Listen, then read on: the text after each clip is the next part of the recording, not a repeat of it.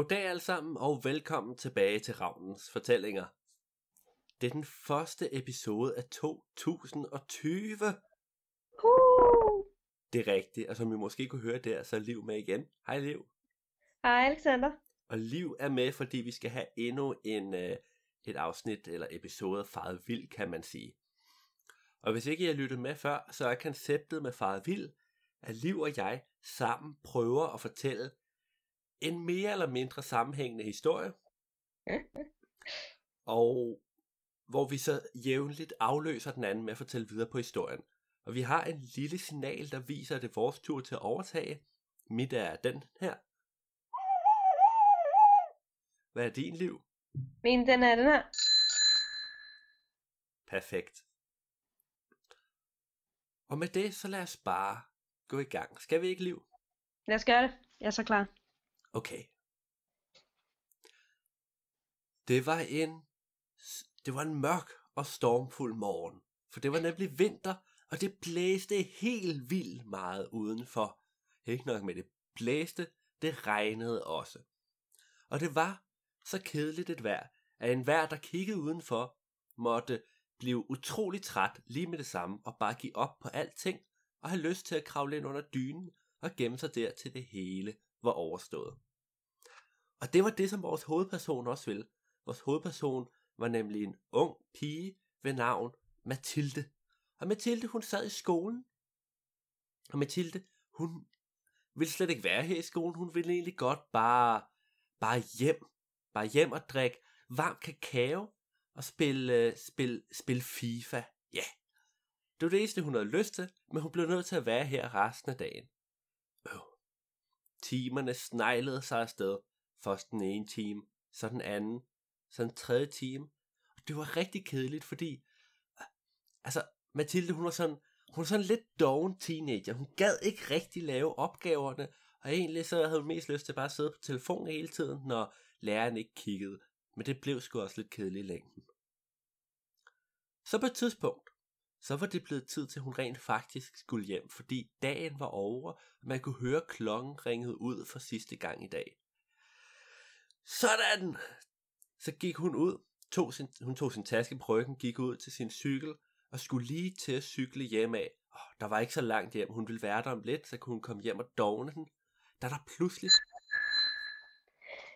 Da hun, da hun pludselig hørte noget andet, en anden lyd, der ligesom mængede sig med lyden af klokken, der ringede til frihed, om man så at sige. Og det var sådan, det var, det var meget svagt, det var ligesom sådan et råb, der var sådan, hjælp! Og hun kiggede sådan lidt omkring og tænkte, jeg kan ikke umiddelbart se nogen. Jeg kunne høre det igen. Hjælp! Så hun, ah, det, der er nok nogle andre, der må tage sig af dem. Ellers må de råbe lidt højere, hvis det virkelig er seriøst. Det kan ikke, det kan ikke være altså, det store problem. Så hun begyndte sådan at gå videre, og bare, hun kunne høre det sådan igen og igen, bare hjælp, hjælp. Og hun tænkte, ej, det, øhm, det er sikkert ikke noget mig at gøre. Altså, det, det er sikkert bare nogen, der leger en leg, og så for sjov råber hjælp. Og så hun, hjælp Mathilde! Tænkte, Ej, nu må det simpelthen stoppe. hun kiggede sådan omkring og tænkte, okay, jeg giver dem 10 sekunder. Og der gik ikke mere end 5, før der kom sådan en lille, en lille bitte dreng sådan løbende hen imod hende, og det var en fra øh, en af de lavere klasser. Mathilde, hun gik i sådan syvende klasse, og det var måske en fra tredje, Øh, der kom sådan hen, øh, og havde åbenbart set hende omkring, kendte hendes navn og sådan noget. Hun anede ikke, hvem han var. Jeg sagde, Mathilde, Mathilde, du er nødt til at hjælpe mig. Og hun sagde, Ja, men øh, har du ikke øh, har du ikke en lærer eller et eller andet i nærheden? Nej, men det er fordi det er fordi min drage, jeg var ude at flyve min drage, ikke? Og den og den den er rigtig flot, ikke? Hun sagde, kom. Og min flag, min drage, den er bare sådan super flot, ikke også? Og prøv lige at se, nu er den rød, nu er den rød op i et træ, og så pegede den, så pegede drengen sådan hen i et træ, og Mathilde kiggede. Den var ikke bare rød op i et træ, den var rød op, op i det absolut største træ på hele skolens område. Det var så højt oppe, at det var højere end skolen selv. Og skolen var en treetagers bygning. Og Mathilde kiggede bare på den der og sagde, vil du have, at jeg skal hente den? Mathilde, vil du ikke nok hjælpe mig? Jeg får aldrig... Åh, oh, mine forældre bliver så sure, hvis ikke jeg får min drage med hjem. Jeg har lige fået den. Vil du ikke nok? nej, det tror jeg ikke, jeg gider. Så begyndte Mathilde sådan at kravle op på cyklen og skulle til at cykle afsted med drengen. Han, han blev ved, Mathilde, vil du ikke nok? Der er ikke nogen af de andre store, der vil hjælpe. Vil du ikke nok? Sådan, åh, åh. Hun kiggede på drengen og tog sådan armene hen, hænderne hen foran hendes hoved, viftede det sådan frustreret. Øh, okay, jeg skal nok. Så satte hun cyklen og gik hen til træet, hvor dragen øh, sad fast. Snoren op til dragen, den lå sådan, den hang ned, så hun kunne tage fat i den, og så hev hun lidt i det. Og skete ikke rigtig så meget. Den var viklet rundt om en gren deroppe, og grenen bevægede sig lidt frem og tilbage. Men det, jeg tror altså, du bliver nødt til at kravle op. Jeg ved godt, jeg bliver nødt til at kravle op. Ti stille. Så begyndte Mathilde ellers at kravle. Da hun var, havde været yngre, havde hun været ret god til at klatre i træer, men det var så lang tid siden. Nu plejede hun bare doven, nu gad hun ikke mere. Så gren efter gren kom hun op af, og det gik lidt langsomt. Og da hun var nået hele vejen op til tops, ja, så tog det eller ej, så skete der simpelthen det, at lyn slog ned i træet. Og det, altså, dragen den fløj afsted og landede nede på, øh, nede på krasset. Og Mathilde, hun kravlede ned. Og skønt hun stadig lignede sig selv og var i live, så havde, var hendes hår nu sådan stridende fuldstændig ud, som en kæmpe mikrofon hele vejen rundt om hendes hoved. Og der kom sådan lidt røg op fra, fra midten af håret. Hun kiggede bare på drengen og sagde, Jeg tror, jeg har fundet din drage nu. Og nu gider jeg aldrig nogensinde at høre dig bede mig om noget igen, okay? Og så gik hun inden drengen noget at sige noget til det. Hen til sit cykel, hoppede op på. Og, øh, og skulle lige til, altså hun nåede måske at cykle tre meter før der var en dame, der kom løbende ud foran hende med armene viftende til alle, altså alle sider nærmest. Øhm, og Mathilde hun var nødt til at bremse hårdt i og sige, hvad er meningen? Jeg skal hjem. Hun sagde, ja, men, men jeg skal også hjem. Men det kan jeg ikke, fordi at der er slået helt vildt mange lyn ned de sidste 30 sekunder, og et af dem har ramt mit hus. Og øh, Mathilde kiggede på hende og sagde, ja, dit hus. Ikke mit hus. Og så prøvede hun ligesom sådan, hun var stedet af cyklen, hun prøvede sådan at trække den udenom damen, men damen blev med at gå ind foran hende, så de kunne ikke rigtig komme forbi hinanden. Åh oh, nej, det er så irriterende sådan noget. Ja, men altså den her dame gjorde det jo helt klart med vilje, du ved. Normalt der står man sådan og prøver at komme forbi hinanden. Det gjorde hun ikke. Hun var sådan, du er nødt til at hjælpe mig, sagde hun, mens hun sådan blev ved med at gå fra side til side for at blokere Mathilde. Ja. Og, øh, og Mathilde sagde, men har du ikke, altså, der må der være en brandmand eller en eller anden, der kan hjælpe dig. Nej, fordi øh, de, øh, de er på vej til alle de andre huse og træer og øh, andre ting, der er gået ild i. Og Mathilde sagde, prøv at, øh, altså det er bare et hus, kan du ikke, du kan vel købe et nyt. Og øh, damen, hun var en lille smule irriteret nu. Men hun, øh, hun tog altså fat i Mathildes cykel, og vristede den ud af grebet på hende, og sagde, hvis du vil have din cykel, så skal du komme og hjælpe mig, fordi min hund er fanget op i mit hus, og jeg kan ikke få den ned selv. Og så gik damen ellers afsted med Mathilde i hælene, der surt brokkede sig over det her. Ej, altså, det gider jeg ikke, mand. Kom nu. Jeg skal bare, jeg skal bare hjem og slappe af. Jeg har lige fået fri fra skole. Er du klar, hvor hårdt det er at gå i skole gamle dage? Men den gamle dame svarede slet ikke på det. Så nåede de hen til huset, og det viste sig, at det ikke var noget almindeligt hus.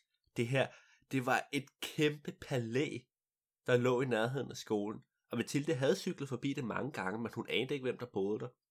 Så da hun så det her palæ, og damen sagde, min hund er op på øverste etage i det højeste tårn. Så, ej, det mener du ikke. Skal jeg virkelig, for have at gå ind i et brændende hus, for at hente en hund? Ja! Jamen, ah. Og du får ikke din cykel før, du gør det. Jamen, jamen. Og så stod Mathilde og tænkte sig lidt om. Hun havde valget mellem at gå en kilometer hjem, men det var så langt. Eller hun kunne gå ind i et brændende hus, krave, kæmpe sig op på den øverste etage, op i det øverste tårn i det højeste værelse, få hunden hele vejen ned igen, undvige flammerne, og så komme ud, og så få cyklen, fordi det gik hurtigt at cykle en kilometer, end det gjorde gik. Ja, hun gør det. Hun besluttede at gå ind i det brændende hus, fordi at skulle gå en hel kilometer, det var hun alt for doven til. Så hun gik hen, og det, hun åbnede hoveddøren, og det første, der skete, det var, at flammerne, de bare så nærmest eksploderede ud, fordi der pludselig kom en masse ny ilt. Uff. Så alt det der hår, hun havde, der før strittede som en mikrofon, det stod nu direkte bagud på hende, ligesom sådan jeg kan cykle hurtigt, cykelhjelm. Øhm, Og Mathilde, hun, øh, hun stod lidt og tænkte, okay, jeg er nødt til at komme med en hurtig plan, fordi den her varme, den, øh, den er utrolig varm. Øhm, og så tænkte hun, hvordan kommer jeg op uden ligesom at dø af, af kulilteforgiftning og af varmen? Og så kom hun i tanke om alle de computerspil og, øh, og Playstation-spil, hun havde spillet i sin tid. og det var hun rigtig også- mange. Ja, det var rigtig mange. Hun skulle ligesom sno sig igennem flammer, og, eller igennem forhindringer og sådan noget i spillet, og hun tænkte, hvis de kan der, så kan jeg også. Og øh, hun tænkte ikke rigtig over, at man ligesom har ekstra liv i, en, øh, i et computerspil. Men øh, det er måske meget godt, hun ikke tænkte over det lige i situationen. Så hun slangede sådan, hun lavede en sådan koldbøtte hen over, hen over gulvet og øh, sne sig forbi en lampe, der stod i flammer. Og øh, løb så hen til en trappe. Og op ad den virkelig hurtigt, fordi at så flammerne ikke ligesom nåede hende, og, øh, inden varmen steg hende til hovedet. Og øh, længere og længere op, der var rigtig mange trapper. Og hun kom op på øverste etage, og så den lille hund sidde oppe i vindueskarmen og hyle. Ja, det var sådan, den lød, ja. Øhm, og hvis bare der havde en kat, så kunne den jo godt have sprunget ned, for en kat har ni liv. Men en hund har altså kun et. Og der var Nå, pænt langt ja. ned. Så hun kom hen til hunden, og øh, den, øh, den løb sådan. Altså, det var ligesom om den ikke rigtig ville op til hende, fordi hun virkede meget faretroende, når hun kom derhen med ild over det hele, og var sådan, kom nu her, din lille møghund. Og hun ville egentlig bare gerne hjem, jo. Men hun fik altså fat i den til sidst, og hun tænkte, den hurtigste vej ud gennem vinduet. Men øhm, hun tvivlede på, at hun selv ville overleve det. Så hun kiggede sig omkring ud af alle vinduerne. Først det ene, der var fliser dernede, det var nok ikke så godt at lande på. Så det andet, ja, der var et, der var et bed med tjørnegræt. Ah, det ville nok heller ikke være så rart. Men det sidste, der så hun, at derude foran det vindue, der var der en sø. Sådan, det var muligheden. Sparkede vinduet op. Smed hunden ud. Plask, kunne hun høre. Kigge ud. Hunden begyndte at svømme hen til den gamle dame, der stod i kanten. Åh, oh, mit lille Fido. Og så tog hun tilløb, løb afsted og hoppede selv ud af vinduet. Og det føltes som om hun fløj flere meter gennem luften, inden hun begyndte at falde ned. Er det fugl? Er det fugl? Det er Mathilde. Præcis. Men altså i virkeligheden, så hvis man stod og kiggede på, så det der skete, det var, at hun snublede lidt over kanten til vinduet, og så faldt hun sådan, lavede en halv koldbøtte i luften og faldt ned i vandet. Plask! Og øhm, så svømmede hun op til overfladen, og hen til kanten, og stod nu drivvåd, med andemad på hovedet, og alger hængende hen over tøjet, og alt muligt, og kiggede på den gamle dame. Nu vil jeg godt have min cykel tilbage. Tak. Jo, selvfølgelig, selvfølgelig. Jo, du reddede min lille Fido. Ja, ja her, her er den, her er den. Så hævde hun øh, cyklen frem og gav den til Mathilde, der nu ret ejet tog den ud af hånden på den gamle dame, og satte sig op på og begyndte straks at cykle afsted. Nu, nu, nu skulle hun bare hjem. Nu måtte der ikke ske mere. Ej, det kunne, det kunne der selvfølgelig heller ikke nå at ske. Det var hun sikker på, fordi det var jo lige om hjørnet, hun boede. Men der tog hun fejl. Fordi lige pludselig, så kom hun til et lyskryds. Og hele lyskrydset, det var bare fyldt med mennesker. Det var super underligt. De stod bare over det hele som sådan en kæmpe flok, og kiggede på et eller andet op i himlen. Mathilde, hun stansede op ved siden af. Og sådan, hvad, hvad foregår der? Og så kiggede hun op i himlen, og så noget, der lignede, en, lignede lidt en ildkugle. Meget, meget, meget højt oppe. En ildkugle, der langsomt blev større og større. Sådan, hvad, hvad, hvorfor står jeg fyldt her? Jeg skal hjem. Hvad, hvad sker der? Der var en ældre mand, der sagde, okay dame, prøv at se. Prøv at se op i himlen. Det, det er en meteor, tror jeg. Ja, ja, ja, ja. Det, det er det vist nok, ja. Hvorfor står I alle sammen i lyskrydset? Jamen, det er fordi, det er det bedste sted at se på meteorer. Det sagde min far for selv engang. Så det forstår jeg slet ikke. Og så ved siden af var der en ung mand, der sagde, ja, det er rigtigt, det er rigtigt nok, det er det absolut bedste sted. Jeg prøvede at stå derhen, og så pegede han sådan ind i en tjørnebusk. Der var ikke særlig godt at stå og kigge på meteorer.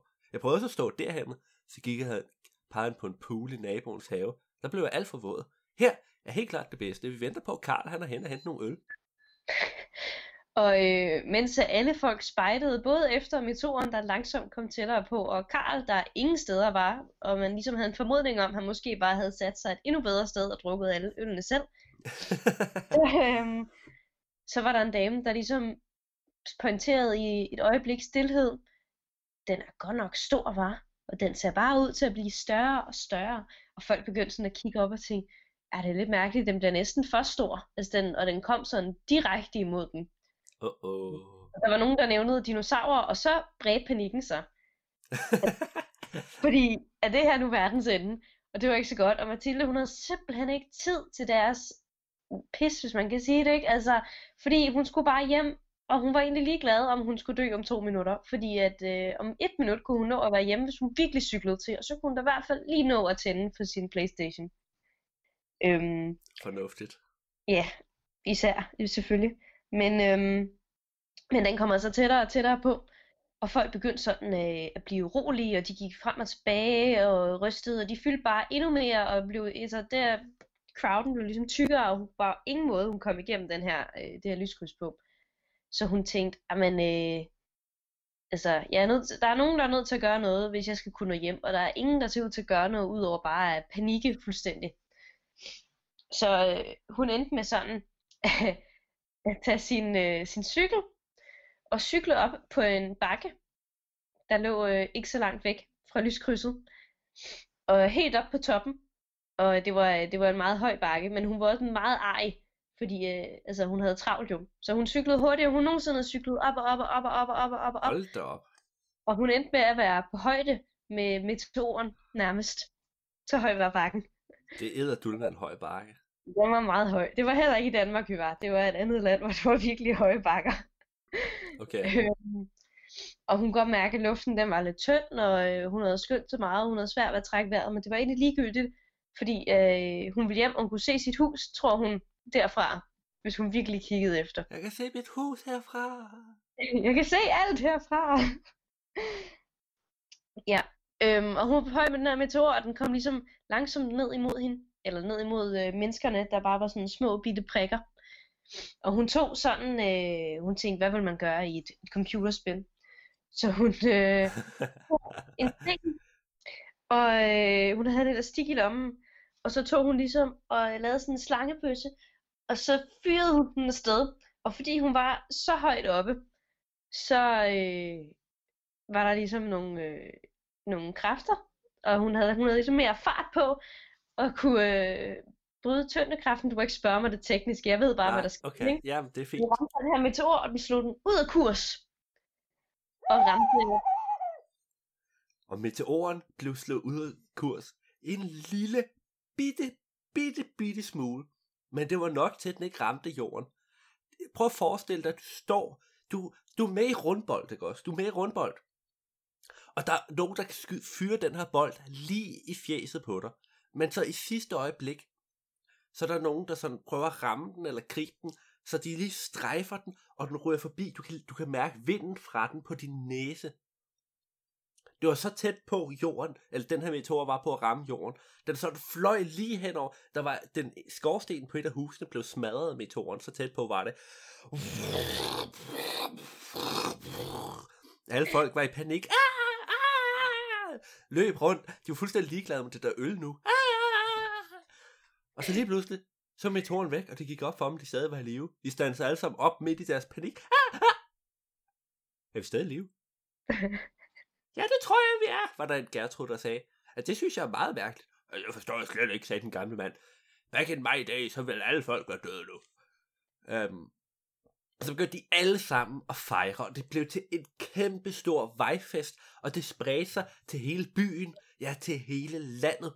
Alle folk løb ud på gader og stræder og begyndte at fejre, løb rundt med flag og med lys, og var sådan, Jubi, vi skulle ikke alle sammen dø i dag. Mathilde, jo, Snart så kom der også øh, tv-folk, sådan fra alle veje og sagde, hvem var det, der reddede dagen? Og folk pegede på Mathilde, og Mathilde hun prøvede bare at skjule sig bag sin cykel. Sådan, unge dame, vi må tale med dem. Hun sagde, nej, jeg har ikke tid. Jeg har reddet dagen tre gange i dag, og jeg, jeg gider simpelthen ikke mere. Jeg vil bare gerne hjem. Og øh, det fik de altså på, øh, hvad hedder det, i tv'et og direkte, og folk stod sådan lidt målløst. Og der var helt stille et øjeblik. før alle folk bare udbrød i jubel. Ja, yeah, hun vil bare hjem! før at du lige har fået øh, en øh, sodavand og en kop te og øh, nogle æbleskiver, fordi dem havde vi på lager, og øh, en masse kage, og du skal hedres og holde taler, og hun er sådan, jamen kan vi ikke gøre det derhjemme hos mig, hvor jeg sidder med headset på, og så kan I bare snakke løs, det er fint. Jeg tror, mine forældre har noget, øhm, altså har plads til sådan bare lidt gæster, så I kan komme ind i hold, det er fint. Øh, og Mathilde, hun begyndte at trække sin cykel hjem af, og hun havde bare sådan en rand af mennesker, der fulgte efter hende, hun kiggede sådan bag skulderen, og, og de blev ved med at være der, hun prøvede sådan at tage alle mulige, du ved, at dreje til den ene og den anden side, og de blev ved med at følge efter hende, uanset hvorhen hun gik. Ej, hvor irriterende. Det var ret træls for hende, ja. Og så hver gang hun lige troede, at hun øh, var sluppet af med dem, så var de sådan, nej, Mathilde! Og så begyndte folk bare at komme, altså løbende hen imod hende igen. Simpelthen, altså, der var ikke noget mere irriterende i hele verden, tænkte hun. Og det endte med, at den her fanskare af journalister og almindelige folk, der fulgte efter hende, blev nødt til at blive fuldt igennem byen af, af en politiekskort, fordi der så var så mange mennesker. Så politiet kom op, og så kørte de bare ved siden af Mathilde, der bare gik. Øh. Hun gad bare ikke det her, mand. Og så kom hun endelig hjem.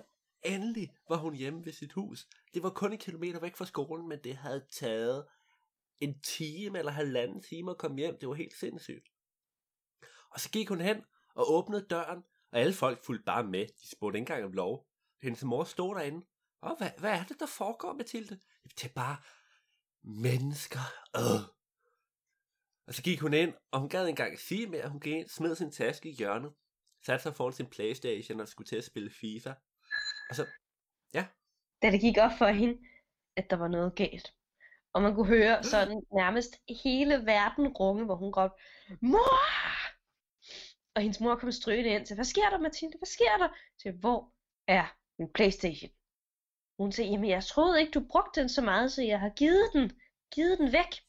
Og Mathilde, Nej! hun kunne bare slet ikke rumme det ved, hun begyndte bare at græde, og hendes mor var sådan, Mathilde, det er jo bare en maskine, du kan vel læse en bog, eller, eller tage dig de søde mennesker, der er kommet her, de siger alle sammen, de gerne vil snakke med dig. Og Mathilde, hun gik ud, og hun var så arg, hun siger, jeg gider ikke se på jer mere, jeg vil bare hjem og spille Playstation, og nu er min Playstation væk, og mit FIFA er væk, og det er simpelthen noget gøjl alle sammen, jeg gider ikke mere. Og folk blev helt stille. Og så, så kom, øh, så kom den lille dreng fra 3. klasse op og sagde, tak fordi du reddede min drage, Mathilde. Jeg har købt nogle snacks til dig. Og Mathilde, hun, Åh. hun blev lidt glad, men altså, det var jo ikke noget med snacks uden spil. Og så kom den gamle dame med palæet kom op og sagde, åh, du har reddet min lille, min lille Fido, Mathilde. Ja, altså, som tak, så har jeg købt dig en ny Playstation. Mathilde, hun blev, hun blev helt glad, men, men hvad med alle hendes, alle hendes spil? Og det var jo så her, hvor at der kom en bil, der kørte hen til siden af huset. Det var sådan en stor, meget, meget sort bil. Det var tydeligt, der var en meget vigtig person inde i. Den kørte op til siden af huset, og alle folk flyttede sig, og alle folk, de troede næsten ikke deres egne øjne. For ud trådte der kongen af hele verden. Han trådte ud, og han var simpelthen så flommefed. Det var lige før, han ikke kunne få sin, sin deller med ud af bilen. Men det gjorde han til sidst. Og så gik han ud, bum, bum, bum, sådan med sådan en kæmpe blævermave, ikke også? Hen mod Mathilde, der nu stod i døråbningen og kiggede på alle de her folk. Bum, bum, bum. Og så stillede han sig foran Mathilde. Hej, unge dame, jeg har hørt, at øh, det er dig, der har reddet hele verden fra mit ord. altså, mens han snakkede, så kom der sådan lidt spyt ud af munden. Det var ikke så lækkert. Uh, Okay. Mathilde var, sådan, tog en hånd op foran ansigtet. Ja, det kan da godt være, men det var bare fordi, jeg godt ville hjem. Altså, og alle folk stod i vejen. Og du er en rigtig, en rigtig held, sagde han. Og alle folk, de, de klappede i hænderne. En rigtig held, yeah! Og så sagde han, unge dame, er der noget, vi kan gøre for dig? Så siger du bare til. Jamen, altså, jeg kunne da godt tænke mig nogle flere spil til min Playstation. Du skal få alle de spil til din Playstation, du vil have, proklamerede han, mens spyttet bare røg ud over det hele. Og, og hun bare synes, det var så lidt ulækkert med alt spyttet, men hun var da glad for at måtte få alle de spil, hun ville have.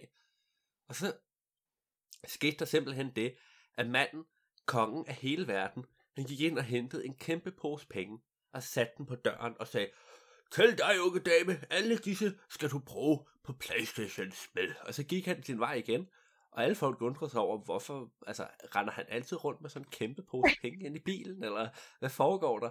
Men, øh, men de synes nu alligevel, det var en god historie. Og så begyndte de alle sammen at ville interviewe Mathilde og komme hen. Altså, det var super underligt. Også alle almindelige folk ville interviewe hende. Jeg ved ikke, hvor de alle sammen fik mikrofon for, fra. Men de stod alle sammen med en mikrofon og stak den op i næsen på hende. Og hun sådan, nej, nej, nej. Og så tog hun bare pengene ind og smækkede døren til. Og så gik hun ind på værelset.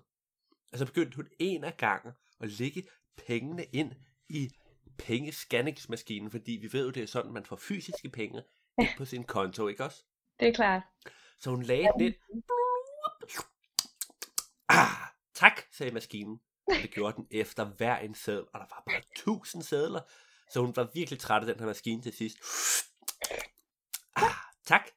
Men til sidst, da alle pengene var lagt ind, så kunne hun simpelthen gå ind på PlayStation Internet butik og købe alle de spil, hun ville. Og så downloadede hun alle spillene, lavede en kæmpe stor kop kakao, og så satte hun sig til rette. Hun havde faktisk, det er lige et twist, hvis man siger øh, flash forward til 30 år senere, hun havde fået så mange penge, at hun faktisk kunne købe Playstation. Sådan Hold da op.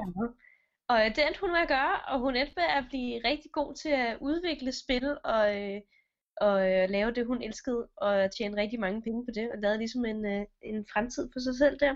Og det, øh, det er hun blevet meget populær på. Hun er blevet meget kendt i verden på, øh, altså hun gør det jo sådan lidt i skyggerne. Hun er jo ikke så glad for sådan publiciteten. Så, øh, men det er altså hende, der ejer Playstation, hvis nogen skulle være i tvivl. Er det Mathilde? Det er Mathilde. Hvad hedder hun egentlig til efternavn? Ja, det er, øh, det er hemmeligt, du ved, for hun ikke Nå, kan ja, okay. Så kan man ikke finde hende. sådan slå hende op jo. Nej, det kan jeg godt se. Nu må du lige bruge hjernen, Alexander, helt ærligt. Jamen, ah, det er et nyt år. Det er et nyt årti. Jeg kan ikke... Jeg har ikke engang tændt min hjerne endnu. Du kan ikke fortælle mig, at du har opbrugt kvoten for din hjernekraft, vel, endnu. Liv. Jeg er 25 år gammel. Jeg kan det. Jeg... Oh, Åh oh, nej, kommer det til at ske for mig, når jeg fylder 25? ja, det tror jeg. Nå, men vores historie er jo egentlig slut nu. Og det betyder... I ved det alle sammen. Du ved det, Liv. Det betyder, at vi er nået til det vigtigste punkt. Nå ja, moral, det glemmer jeg hver gang. Vi skal finde ud af, hvad moralen i historien var. Ja, Du må det gå først. være at have med i overvejelserne, når man laver historien jo. Jamen, det er den aldrig. Nej. øhm, ja, okay. Jeg har et bud på en moral. Okay, lad os høre det. Mit bud er, hvis du vil virkelig brænder for at få lov til at gøre noget, så skal du bare blive ved med at gå efter det, uanset hvor mange gange du ligesom bliver smidt af vejen og sat forhindringer i din vej, så skal du bare blive ved med ligesom power through, for du skal nok nå dit mål sådan i enden, og det skal nok kunne betale sig med alle de øh, kræfter, du har brugt på det. Ja, Ja. det var faktisk øh, en helt reel moral den her Ja, gang. det er det. Jeg har også en moral.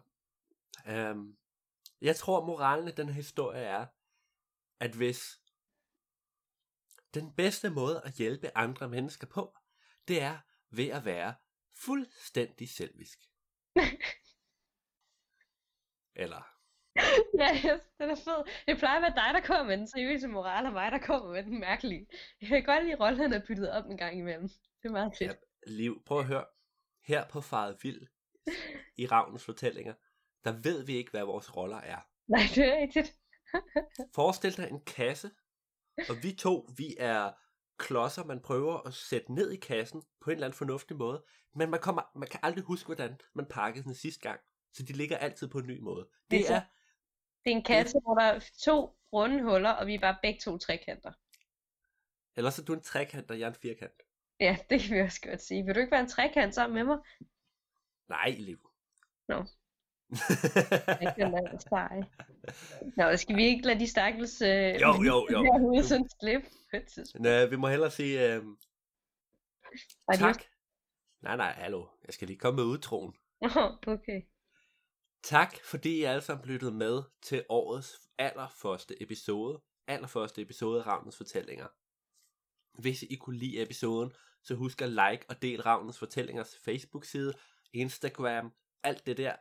Og øh, tjek også podcasten ud på tier.dk, hvis I gerne vil lave, øh, gerne, gerne vil give en donation eller et tilskud eller et eller andet. Gør det. Øhm, tak, Liv. Gør som Liv siger. Det er Og, fornuftigt.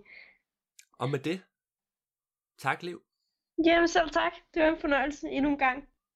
Og så ses vi næste gang. Adios. Adios.